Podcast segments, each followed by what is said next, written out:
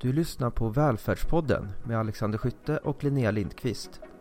I det här avsnittet kommer vi att ta upp varför vi har startat den här podcasten och vilka ämnen vi kommer att ta upp i framtiden.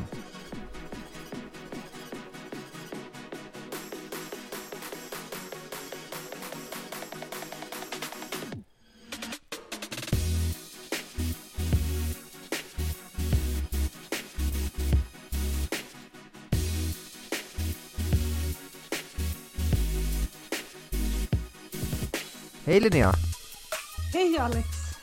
Vi har ju startat en podd nu som heter Välfärdspodden, den som man lyssnar på nu.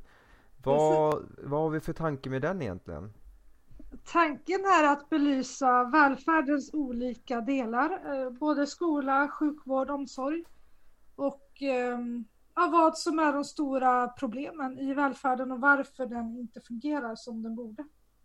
Det är ju rätt brett egentligen, kan man säga. Och vi kommer väl lite från, eh, från samma bakgrund. Jag är ju lärare och du är ju rektor. Ja, lärare i, i toppen och rektor just nu. Rektor i botten. Precis. Ja, nej men precis. Så, så hur ska vi lyckas det, med det liksom? Att eh, få med alla de här olika perspektiven. Det kan ju lätt bli lite skoltungt annars, tänker jag.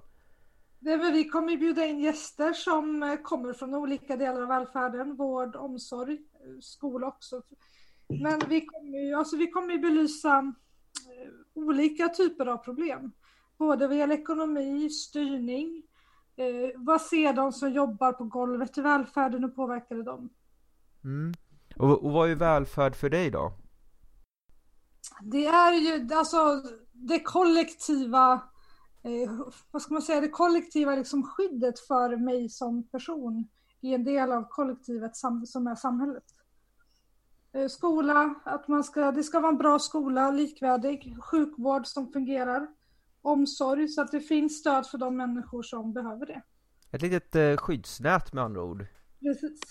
Ja, ja jag är ju inne på lite, på lite samma sätt, eh, sak då, då också, det här med skyddsnätet men Men också framförallt, jag är ju väldigt skoltung när det kommer till de här grejerna och Just det där med att ge varje individ en chans i livet egentligen Det är ju det det mycket handlar om Precis. Och jag fick ju verkligen det stödet när jag gick i resursklass till exempel. Sånt där som nu effektiviseras bort.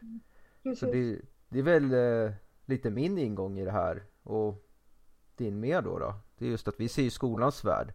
Och sen så är det ju här ett samlat problem. För det är ju så att vi i välfärden, vi, vi har ju samma problem, eller hur? Så är det, det är samma problem med sjukvården och omsorgen de som jobbar på golvet, oavsett om det står ett klassrum eller en operationssal eller i hemtjänsten, vi, vi, alltså det är samma problem på sättet vi styr välfärden. Mm, det här med NPM, New Public ja. Management. Precis, och det är det stora problemet som att där grundidén är ju konkurrens och att man ska bedriva verksamheten till lägre kostnad. Och det är väl kanske det här vi tänkte snacka lite om, eller hur? Med lite så här konkreta exempel från varje verksamhet och så. Precis. Och att då visa att det är liksom, men vi sitter i samma båt här. I staten och kapitalet, lite sånt där, fast för välfärden. Och även fundera på vad ska vi göra åt det då? Alltså vi måste göra någonting åt problemet, vi kan inte låta det fortgå. Vi måste ju ha en lösning. Precis, lösningsfokuserat är ju inne, så det ska vi för försöka. Vi ska vara systematiska i vårt arbete med den här podden och det kommer bli progressivt bättre, känner jag, för varje avsnitt som går. För nu, nu blir det mycket så här, lite så här spåna till att börja med men man får väl hoppas att det är, finns något intressant i det och att vi kan lyckas få tag på folk som bringar lite intresse. Det tror jag att vi kommer få. Det är, det är ett ämne som berör många tänker jag. Även om man inte jobbar i välfärden så använder man ju välfärden. För nu har vi ju med oss någon också. Ja, det har vi. Vi har Pernilla med oss som är lärare och aktiv i lärarupproret. Hej, hej. Hej Pernilla. Vill du berätta lite om dig själv? Ja, vad vill du veta då? Ja, hårfärg, ögonfärg. ja, eh, är du singel? Nej. Nej, jag är gift, har två barn, jobbar som lärare i 12 år. Och, och varför, var, 36 år. Varför är det här viktigt för dig då? Vad, vad är det som gör att du vill kämpa för skolan så att säga? I grund och botten handlar det ju om att jag vill ha en fungerande framtid. Alltså jag vill ha en framtid där vi har starka vuxna som, som klarar av att arbeta, som kan eh, göra att vi får ett fungerande samhälle. Men under ja, säkert 20 års tid så har vi nedmonterat framförallt skolan. Där man är, vi har tagit bort elevhälsoteam, vi har tagit bort omkringpersonal, vi har utökat elevantalet i varje klass. Och vi har gjort det svårare för de eleverna som verkligen behöver ha eh, trygga vuxna runt sig att få det. Och det gör att vi får osäkrare eh, och sårbarare vuxna i framtiden. Som, och framförallt tonåringar som, som ska göra de viktiga valen för framtiden men som inte har någon vuxen som stöttar den. Så det blir lite som att vi ska liksom skapa hela barn som sen blir hela vuxna? Precis. Det kostar ju betydligt mer att ta hand om en eh, fängelsekund än vad det kostar att hjälpa barnet när, när man väl har möjligheten. Ja, precis. Och det, det alltså det... Jag, det där tycker jag är så otroligt intressant därför att alla vet ju det att det enda sättet att, att förhindra till exempel skjutningar vid Söderförorten mm. det är att se till att mm. barnen klarar skolan. Precis. Ändå håller politikerna på att diskutera antal poliser, um, rim, Operation Rimfrost och så vidare. Men de pratade om Operation Rimfrost Eh, och så sa en av de här ledande poliserna, jag tror att det var typ Malou eller något sånt där, mm. så sa eh, han att eh, det här var ett lyckat experiment för att nu så var ju fängelserna fulla. Mm. För mig blir det så här, det här är väl det största misslyckandet vi någonsin har gjort. Varför är våra fängelser fulla? Jo, för att vi har så fruktansvärt många unga vuxna som inte har fått rätta verktygen att klara sig i vårt samhälle. Och där i skolan, det är ju där vi har misslyckats. Och jag tänker den gemensamma nämnare för alla i de fulla fängelserna är ju misslyckad grundskola. Ja, det vet vi ju. Det säger det... de ju också, många poliser, när man intervjuar dem. Vad behöver ni? Vi behöver fungerande skolor. Ja. Ja, men det är, det är ju en väldigt nobelt av dig att du vill liksom få till en så framtid för barnen och sånt där, men finns det någonting då du tänker lite mer av så egoistiska skäl, om man får säga så, liksom utifrån din roll som lärare? Nej, alltså så här är det att jag är ett, ett, ett maskrosbarn själv. Jag har vuxit upp med en ensamstående alkoholiserad mamma. Eh, och för mig var det ju verkligen av yttersta vikt att jag hade vuxna runt omkring mig som frågade mig dagligen, hur är det? Eh, har du ätit frukost? Eh, som ordnade mig med varma kläder när det var kallt ute, som bjöd på middag när jag behövde det, ehm, som såg mig. Och när jag kommer in i ett klassrum idag så har jag ju den tanken att det här ska jag mäkta med, det här ska jag klara av. Men så har jag så fruktansvärt många barn och många barn som inte alls mår bra. Många barn som är i behov av specialpedagogisk kompetens eh, av andra vuxna som finns runt omkring. Och jag, jag är bara en person, jag hinner inte med. Då blir ju min samvetsstress enorm. När jag har tagit på mig det här uppdraget att nu ska jag hjälpa till och rädda världen. Och så har jag noll förutsättningar. Så det... jag, kan liksom, jag kan inte bara sitta och titta på, då måste jag agera liksom. Så det, det handlar lite det här om egentligen att de hjälpa dig få förutsättningar för att hjälpa andra och, och barnen du har egentligen. Exakt. Men, men kan man ändå säga så här att, det är lite, att man förstår de lärarna som vill ha det lite göttigt på jobbet också? Borde man inte göra läraryrket lite mer göttigt? jo, självklart borde man göra läraryrket göttigt, för vi har ju bland det svåraste yrket som finns.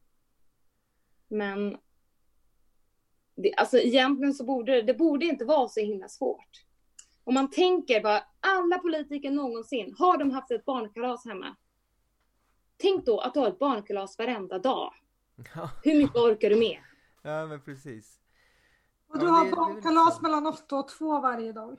Ja, exakt. Lycka till, varsågod. Och då är det inte bara kul, de måste lära sig väldigt mycket också. Plus att de måste göra väldigt många kontroller också, kolla att de verkligen kommer dit. Sen måste du också ha trevlig och bra kontakt med föräldrarna. Orka hålla modet uppe!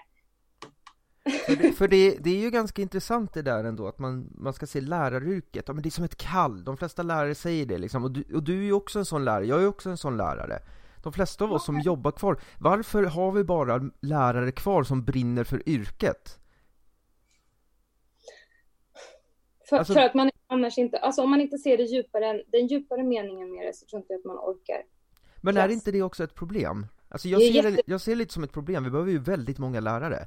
Och just nu har vi bara lärarna som verkligen brinner för det, och det är jättebra, det är jättefint. Men det, det funkar, det funkar ju inte. Vi har, vi har skjutit oss själva lite foten också i och med att vi har det synsättet att man ska, eh, du ska jobba 60 timmar i veckan, du ska strunta i rasten, du ska strunta i pauserna, du ska jobba på ditt sommarlov hela sommarlovet, gärna skicka vykort till alla elever också. Men någonstans behöver du också, du behöver paus, du behöver verkligen ta ut din last, du behöver se till att du orkar med hela året. Då kan du inte komma helt slut i augusti. Nej, och, och jag läste nyligen på Facebook eh, i de här lärargrupperna som kan vara väldigt fantastiska inlägg ibland, alltifrån att man frågar efter en helårsplanering mm. till att eh, nu läste jag att, eh, ja men vi, jag, jag köper in eh, presenter ja. när alla barnen fyller år. Har ni något förslag på vad jag ska köpa in? Om man är så här, alltså... Ingenting ska du köpa in. Ja. Nej men nej. Alltså det låter väldigt lustigt på ett sätt. Jag gillar ju de här som har en flaggstång som man ställer på bordet. Det tycker jag är en jättefin symbolisk värde av det här. Det här är din dag idag, så här har du flaggstången som får stå på ditt bord. Men, mm. men just det här, ja men vi ska köpa grejer, och man har ju hört så många gånger som det kommer från lärarens egen ficka. Jag är ju själv en fantastisk pedagog på min skola, alltså helt fantastisk. Men han köper ju glass till barnen på somrarna, liksom för sina egna pengar. Mm. För, för det är endast, det är liksom, det är, det är så det får bli. Mm, då är du en duktig lärare. Och det är det också som är ett problem, att vi hela tiden måste eh, skrika högst, vara mest, vara bäst, för att vi helt plötsligt också har fått olika karriärsystem i skolan. Som, där vi har eh, löner, där vi har alltså, förstelärare och så, så man har väl ändå gjort ett litet försök här i att få in de här karriäristerna så att säga eh, Genom den här förstelärarreformen och lite sånt där Men det, det slår ju inte alltid så bra ut Nej, det slår inte alls bra ut Eller vad säger du Linnea? Vad sa du? Vad frågade du? Nej, jag vet inte Jag pratade något om förstelärare och olika sådana ja. reformer för att höja Höja Nej, läraryrket det, är, alltså, det är en logisk konsekvens av New Public Management tänker jag Alltså eftersom att fokus i New Public Management är ju med målstyrning och med kvalitetsarbete så ska vi öka kvaliteten och komma på bättre sätt att arbeta. Och på så sätt ska vi sänka kostnaden. Så att det är en naturlig konsekvens av det. Men sen har ju liksom, det har ju inte blivit bra med de reformerna.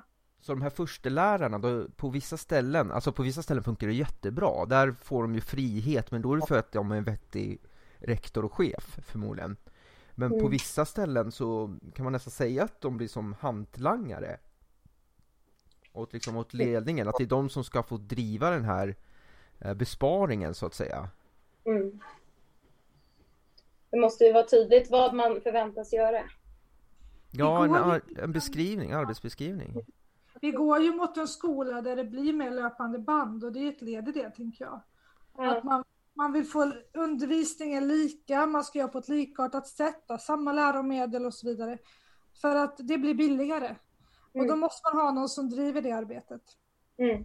Sen finns det helt fantastiska förstelärare som gör jättebra saker på sina skolor. Det handlar ju inte om dem som personer, men de här reformerna har ju inte varit lyckosamma för skolan. Har de inte varit. Ja precis, för vi, vi måste ju vara noggranna här med att poängtera att vi diskuterar systemet här, vi diskuterar ju inte individer. Sen finns det vissa individer som verkligen går all in på det här med säljandet med robotdammsugare och möjligt sånt här roliga grejer. Eh, men eh, vi diskuterar ett system här. Det finns ju fantastiska förstelärare som helt klart befinner sig på den platsen de ska vara. Och det är lite tråkigt kan jag känna att vi måste säga det. Fast det behövs sägas, för annars kommer någon säga Men vadå, varför går du på oss? Men det är inte det vi gör. Utan det... Nej, man behöver också diskutera om, om det är regering, alltså statens uppgift att gå in med liksom lönereformer. Och inte det, det här ett problem att vi har 3000 huvudmän? Precis. Att, och att då liksom, det är en sån platt styrning på ett sätt att politikerna på riksdagsnivå säger en sak men sen sitter politikerna på kommunnivå och säger en annan. Och ifall man följer diskussionen i bubblan på Twitter där är det ju ganska klart att skolan ska ju förstatligas. Men frågan är, hur ser det här ut utanför vår lilla Twitterbubbla? För den är ju ganska extrem då. Tycker, alltså, tycker man att det ska förstatligas? Men samtidigt så måste man också fråga då, har folk tillräckligt med information? Vet folk vad det är man säger när man vill att den ska vara icke-förstatligad, alltså att den ska vara kommunal? Vet man vad man köper då? Vet man vad man köper när man har en, en, en skola som kan vara privat? Ja, det är ju det är en väldigt bra fråga. Eh, jag tycker man kan dra in det nästan till sådana här vallöften, alltså det är många som säger mm. att man, man ska satsa på skolan. Men mm. gör man verkligen det? Det är ju det Linnea och Tankesmedjan Balans har granskat en hel del nu på sista tiden. Gör man verkligen det man säger? Och det visar ju sig att det gör man ju faktiskt inte. Så det här du beskriver Pernilla om information, det är extremt viktigt och den verkar ju vara ganska bristfällig. Mycket bristfällig. Kan det vara en anledning till varför vi gör den här podden Linnea? Det kan vara det, skulle kunna vara så. Så för, förhoppningsvis ja, jag, jag tycker det är så intressant också när man läser när man läser budgetar och andra dokument. Det blir ju så himla tydligt när man läser dem vart vi är på väg och hur man resonerar i kommunerna. Mm. Vi har ju jättestora nedskärningar som har skett de kommande åren och det blir mycket värre de, eh, eller de föregående åren har varit jättestora nedskärningar. Det blir ännu värre de kommande åren. De måste hitta, hitta nya sätt att jobba därför att eleverna ska fortfarande undervisning. Det mm. kan vi aldrig ta bort. Så det problemet måste göra på ett annat sätt. Ja, problemet är ju också att när vi har en skola som hela tiden blir, drabbas av nedskärningar så har vi lärare som står där och vill vara duktiga. Då säger man inte nej, jag fick inte ut mer rast. Nej, jag har inte kunnat ge det här barnet eh, den här lässtunden som de behöver. Nej, han inte plåstra om barnets skrubbsår idag. Vi fick bara dra ner eh, byxkanten. Alltså, man säger inte de sakerna. För att då är man en dålig lärare, du har inte hunnit med. Varför har du inte hunnit med? Vad har du gjort som är annorlunda? Behöver vi titta över hur din arbetsdag ser ut? Och det var det här vi skrev om förut för lärarupproret Pernilla, eller hur? Det här med ja. sluttid. Ja. Att, vi, att vi ville få lärare att liksom, ja, men, ta ut din rast, när du har slutat då har du slutat. Hur tyckte du att utfallet blev eh, på det? Nej, ingenting. Rätt kast? Alltså, alltså det, det värsta jag tycker det Ja, värsta, väldigt kast det värsta jag tycker, det är ju egentligen när man läser de som har eh, om man får säga så, bortförklaringar till varför man inte gjorde det. Bara, nej men jag hann inte få ut min rast för det var nej. det här, det här, det här. Och man bara, men hallå? Alltså, vår kampanj här gick ut på att vi skulle följa lagen, arbetsmiljölagen. Det var, det var ingenting mer vi, vi eh, begärde eller frågade om. Det var ju inget radikalt direkt. Nej, det var Även fast i skolans värld så blev det det. Precis. Och det här skulle ju jag säkert... Fick fråga av, eh, jag tror att det var skolvärlden, som var oerhört provocerande tyckte jag. När ni nu ber alla ta ut sin rast, hur ska det då bli med barnen? Men om vi inte tar ut vår rast, hur blir det då med barnen när fröken går in i väggen? Ja. Det är den frågan man behöver ha, för det är det vi har. Läraryrket är ju det yrket där flest går in i väggen. Det måste vi bara face reality, så här är det. Ja, precis. Det är ganska intressant och det där får du nog ha lite statistisk eh, bakgrund till. Är det någon som frågar efter källa på? Nej, men det, det, är ju ett av de yrkena som ligger väldigt högt upp i risk. Lärare i förskolan och grundskolan har ju högst sjuktal. Ja, ja bam, där slår Linnea ner med ett kraftigt påstående. Jag tror du har fog för det faktiskt. Lärare och rektor är, det är ett riskyrke. Ja, det är ett riskyrke det är ett riskyrke. Ja, det är så här när vi jobbar med offentliga medel, liksom. det, blir, det blir riskyrken. Det är ingen som vill betala för det egentligen. Men sen måste man också titta, jag läste, ju, jag läste ju kommunutredningen när den kom i vintras. Och det är väldigt tydligt att alltså, skatteintäkterna kommer ju minska, så är det. Men då mm. bör man också titta över uppdraget. Alltså ska vi ha samma, ska vi ha så här många ämnen i grundskolan till exempel?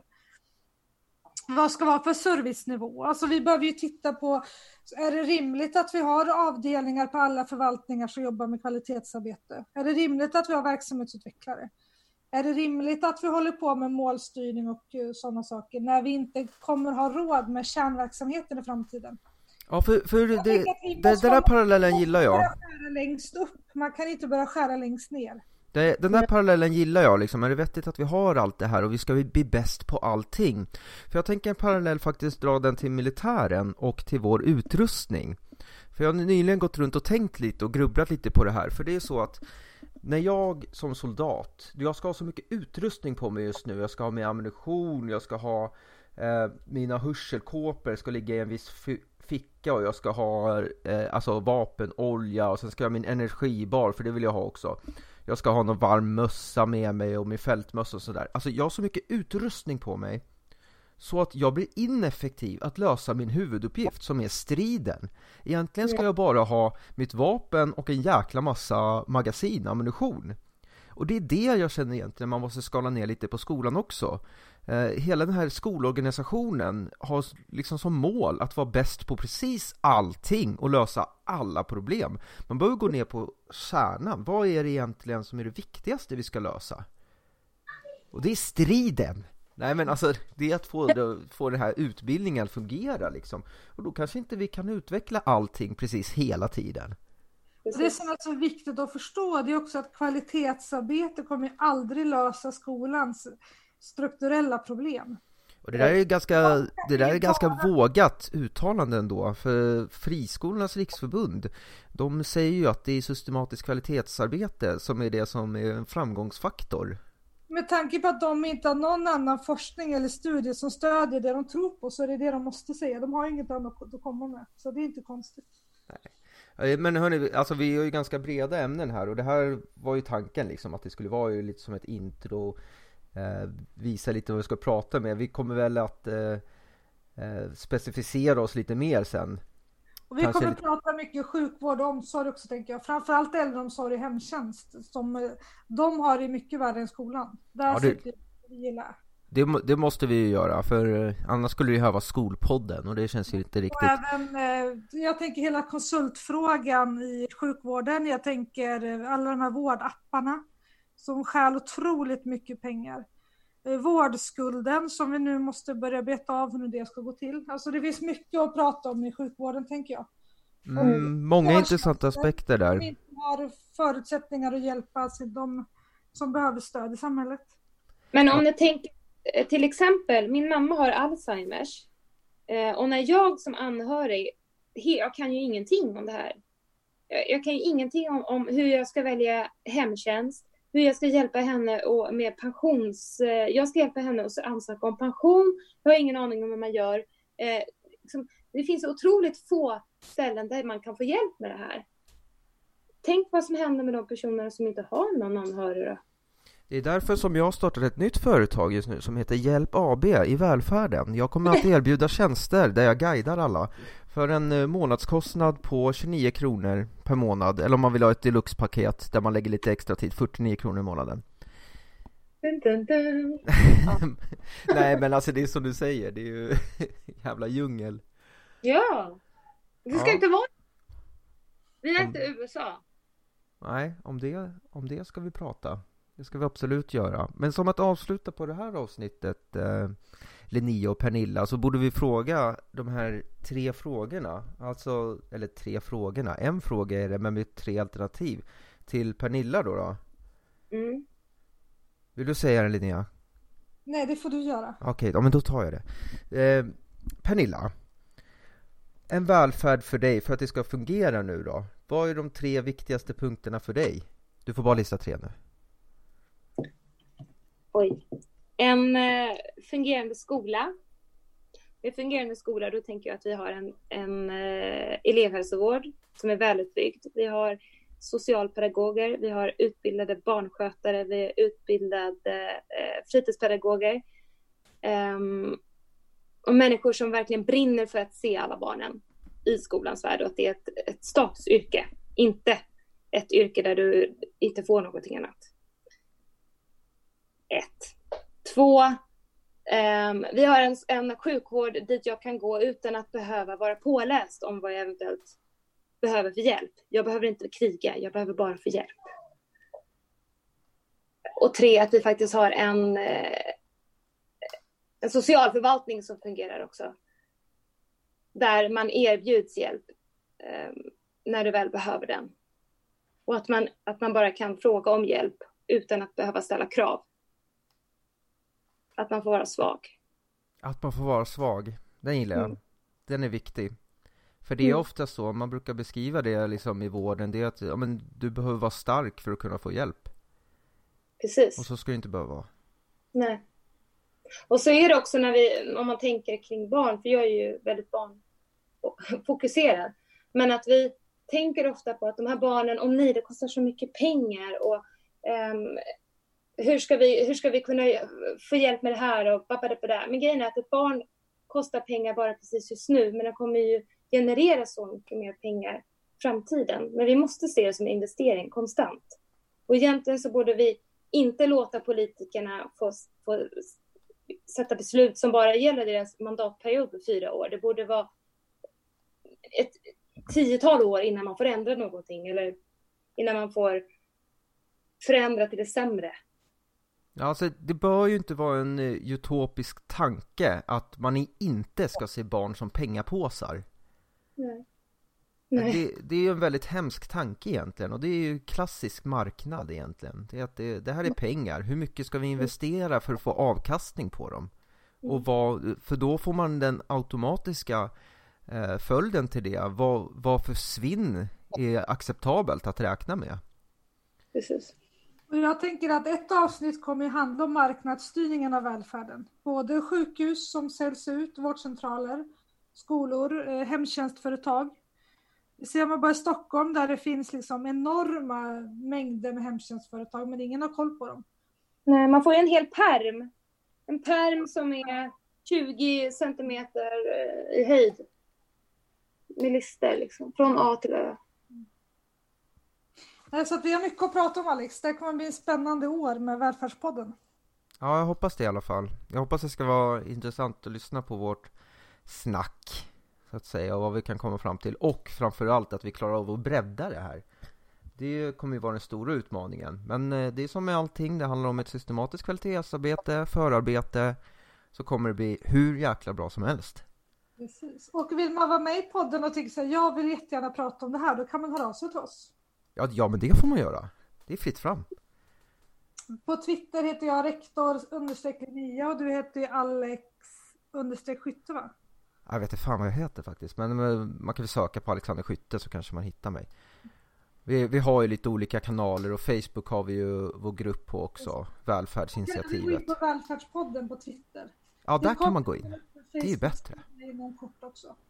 Ja, så det är bara att gå in där, kontakta någon av oss, hojta till, Precis. subtweeta, eller vad, vad de coolungarna säger nu för tiden. Skicka en så snap. Så jättegärna vara med och prata. Ja. Ja, vi kanske bryter där va? Det gör vi. Tack så mycket för att ni lyssnade.